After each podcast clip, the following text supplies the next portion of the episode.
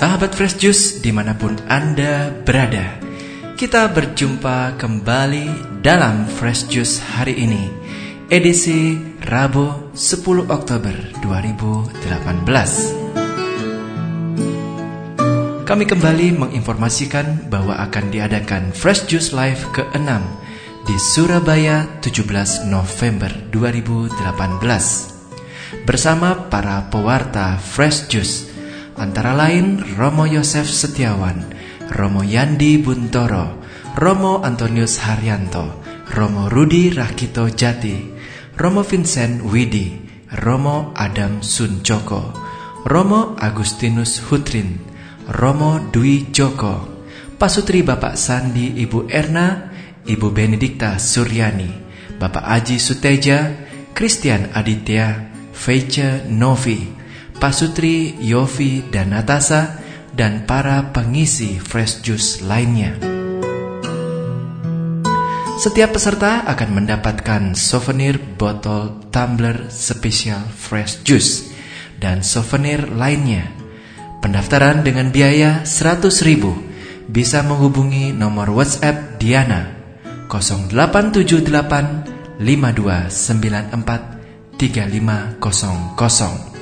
Sekali lagi 0878 5294 3500. Marilah saat ini kita mendengarkan bacaan dan renungan yang akan dibawakan oleh Romo Willem Pau dari Semarang. Selamat mendengarkan.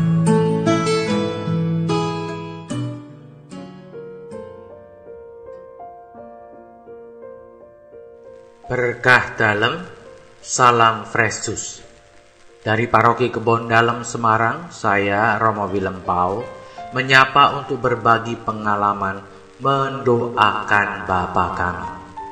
Inspirasi dari bacaan Injil yang dibacakan di Gereja Katolik hari ini, yakni Injil Lukas bab 11 ayat 1 sampai 4. Begini bunyinya. Pada waktu itu Yesus sedang berdoa di salah satu tempat. Ketika Yesus berhenti berdoa, berkatalah seorang dari murid-muridnya kepadanya, Tuhan, ajarilah kami berdoa sebagaimana Yohanes telah mengajar murid-muridnya. Maka Yesus berkata kepada mereka, Bila kalian berdoa, katakanlah, Bapa, dikuduskanlah namamu. Datanglah kerajaanmu. Berilah kami setiap hari makanan yang secukupnya. Dan ampunilah dosa kami. Sebab kami pun mengampuni yang bersalah kepada kami. Dan janganlah membawa kami ke dalam pencobaan. Demikianlah Injil Tuhan. Terpujilah Kristus. Para sahabat Fresh Juice, secara umum ada tiga gaya mengucapkan doa Bapa kami. Sebagian besar mengucapkannya dengan kecepatan yang wajar. Bapa kami yang ada di surga, dimuliakanlah namamu, datanglah kerajaanmu, jadilah kehendakmu di atas bumi seperti di dalam surga. Berilah kami rejeki pada hari ini, dan ampunilah kesalahan kami, seperti kami pun mengampuni yang bersalah kepada kami.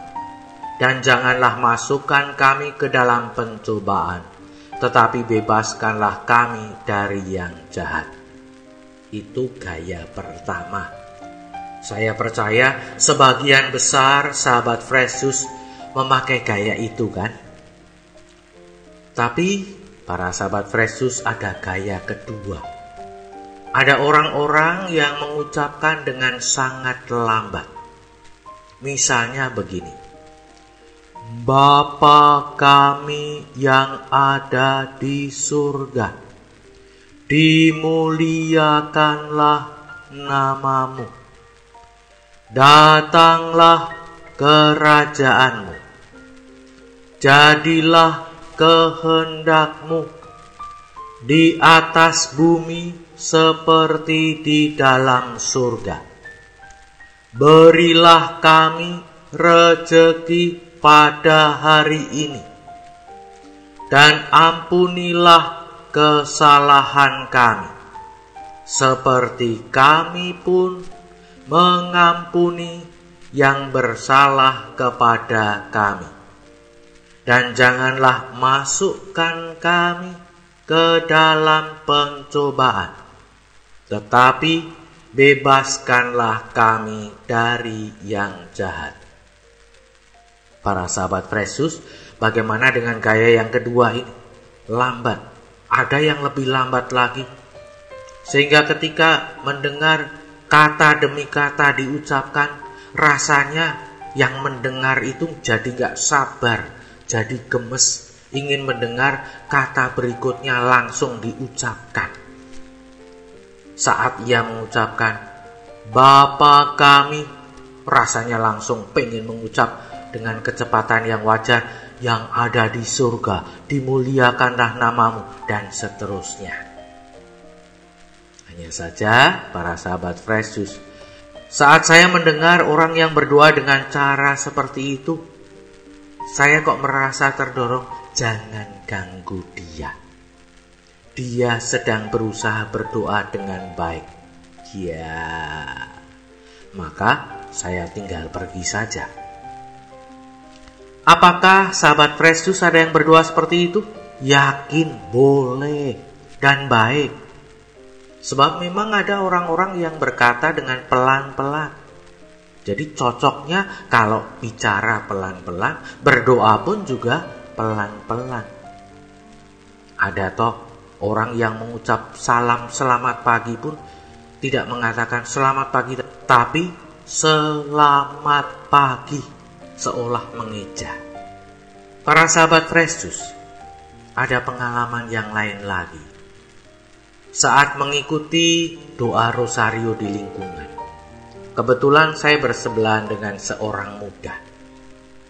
Saat mendapat giliran mendoakan Bapa kami, dia berdoa dengan sangat lantang, tetapi sekaligus sangat cepat. Kira-kira begini.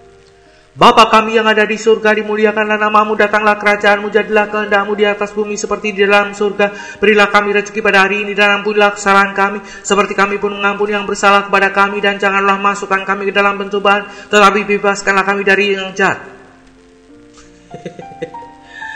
Ah, dah, dah, dah, dah. Saya menirukan saja sampai bingung, ini susah. Sesudah doa bersama, saya iseng-iseng ngajak ngobrol orang muda itu. Wow, apa yang terjadi? Ternyata ketika ngobrol biasa-biasa, dia memang ngomongnya cepat sekali.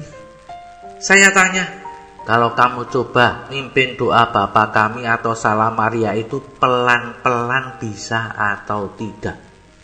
Dia menjawab, lah kalau mengucapkannya pelan-pelan nanti lupa kata-kata selanjutnya. Bagaimana sahabat Fresus? Ya saya katakan lagi, daripada lupa, ya besok-besok kalau mimpin doa sambil baca teks dong. Dia hanya menjawab dengan tersenyum, Ya deh, besok-besok saya coba. ya sudah. Ketika mau berpisah saya bilang, selamat mengucapkan doa dengan ngebut. Para sahabat Kristus, apakah berdoa dengan kecepatan yang kurang lebih wajar, dengan kecepatan yang lambat sekali, atau dengan kecepatan yang tinggi sekali seperti anak muda tadi? Boleh?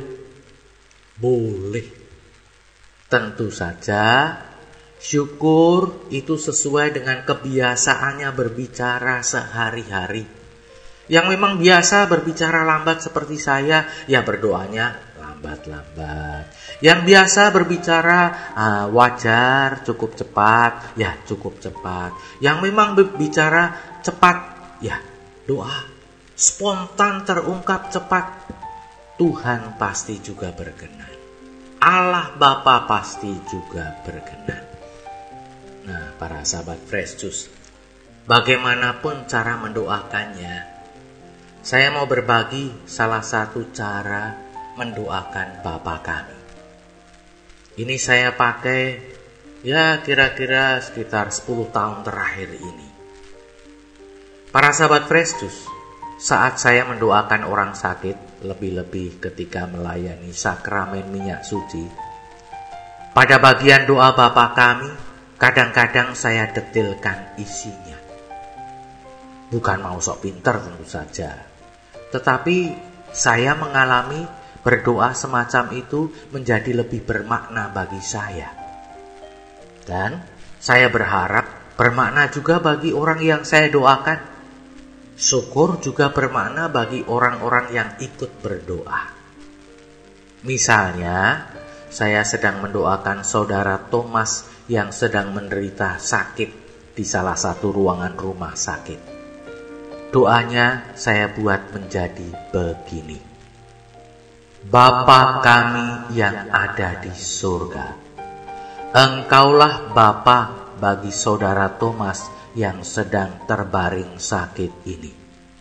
Saudara Thomas yang sedang sakit ini adalah anak yang kau kasih. Dimuliakanlah namamu. Semoga semua yang dikatakan, dipikirkan, dilakukan oleh saudara Thomas dalam keadaan sakitnya ini membuat namamu dimuliakan ya Bapak. Semoga semua yang dikatakan, dipikirkan, dilakukan oleh para dokter, perawat, keluarga, dan sanak kerabat saudara Thomas di tempat ini membuat namamu dimuliakan. Datanglah kerajaan. Ya Bapa, rajailah saudara Thomas yang sedang sakit ini. Rajailah para dokter, perawat, keluarga, dan sanak kerabat yang menjenguknya Rajailah perjumpaan-perjumpaan yang terjadi di ruangan ini. Jadilah kehendakmu di atas bumi seperti di dalam surga. Ya Bapa, jadilah kehendakmu atas hidup, badan, jiwa saudara Thomas yang sedang sakit ini. Jadilah kehendakmu atas semua yang dilakukan untuk saudara Thomas di tempat ini dalam rangka penyembuhannya. Jadilah kehendakmu di bumi, di ruangan ini, seperti di dalam surga. Berilah kami rezeki pada hari ini. Ya Bapa, berilah saudara Thomas rezeki yang dibutuhkan hari ini. Makanan, minuman, obat-obatan, sarana-sarana yang perlu untuk kesembuhannya rezeki yang membuatnya dapat terpelihara hidupnya, rezeki yang membuatnya dapat memperbaiki semua luka-luka dan sakit-sakitnya. Dan ampunilah kesalahan kami. Ya Bapa, ampunilah semua dosa dan kesalahan saudara Thomas. Dosa dan kesalahannya kepadamu, dosa dan kesalahannya kepada sesamanya, dosa dan kesalahannya yang antara lain membuatnya menderita sakit ini, kalau ada. Seperti kami pun mengampuni yang bersalah kepada kami. Ya Bapa, curahkanlah rahmat mengampuni kepada saudara Thomas. Kuatkanlah dan kobarkanlah hati saudara Thomas untuk mengampuni semua dosa dan kesalahan dari keluarga, teman, kerabatnya, dari semua yang merawatnya di tempat ini, agar terbebaslah ia, hatinya menjadi damai karena melepaskan semua dosa sesamanya. Dan janganlah masukkan kami ke dalam pencobaan. Ya Bapa, utuslah roh kudusmu senantiasa menerangi hati dan budi saudara Thomas, agar dalam derita dan kelemahannya ia mempercayakan hidup dan keselamatannya kepadamu saja. Semoga kau jauhkan segala perasaan, pikiran, dan aneka macam hal yang membuatnya kurang percaya kepadamu, yang menggodanya, mencobainya untuk menjauhkan diri daripadamu. Tetapi bebaskanlah kami dari yang jahat. Ya Bapak, Semoga saudara Thomas yang sedang terbaring ini, kau jauhkan dari segala perbuatan jahat yang dapat dilakukan kepadanya. Kau bebaskan dari segala pikiran, rencana, dan perbuatan jahat yang dapat semakin memperburuk sakitnya, menjauhkannya dari keselamatan yang sejati. Para sahabat Juice, doanya jadi panjang ya Memang dari pengalaman saya ada beberapa yang komentar. Doa Bapak kami kok jadi panjang, jadi bertele-tele, jadi sulit. Ya saya jawab saja, kalau begitu ya pakai doa Bapak kami yang sudah biasa dipakai. Kan begitu. Marilah memohon berkat Tuhan. Tuhan sertamu dan sertamu juga. Semoga para sahabat Fresh Juice beserta keluarga dan sanak kerabat senantiasa dilimpahi berkat Allah yang Maha Kuasa, Bapa dan Putra dan Roh Kudus. Amin. Setiap hari berdoalah Bapa kami paling sedikit sekali. Berkah dalam. Sahabat Fresh Juice, kita baru saja mendengarkan Fresh Juice Rabu 10 Oktober 2018. Segenap tim Fresh Juice mengucapkan terima kasih kepada Romo Willem Pau untuk renungannya pada hari ini. Sampai berjumpa kembali dalam Fresh Juice edisi selanjutnya. Tetap bersuka cita dan salam Fresh Juice.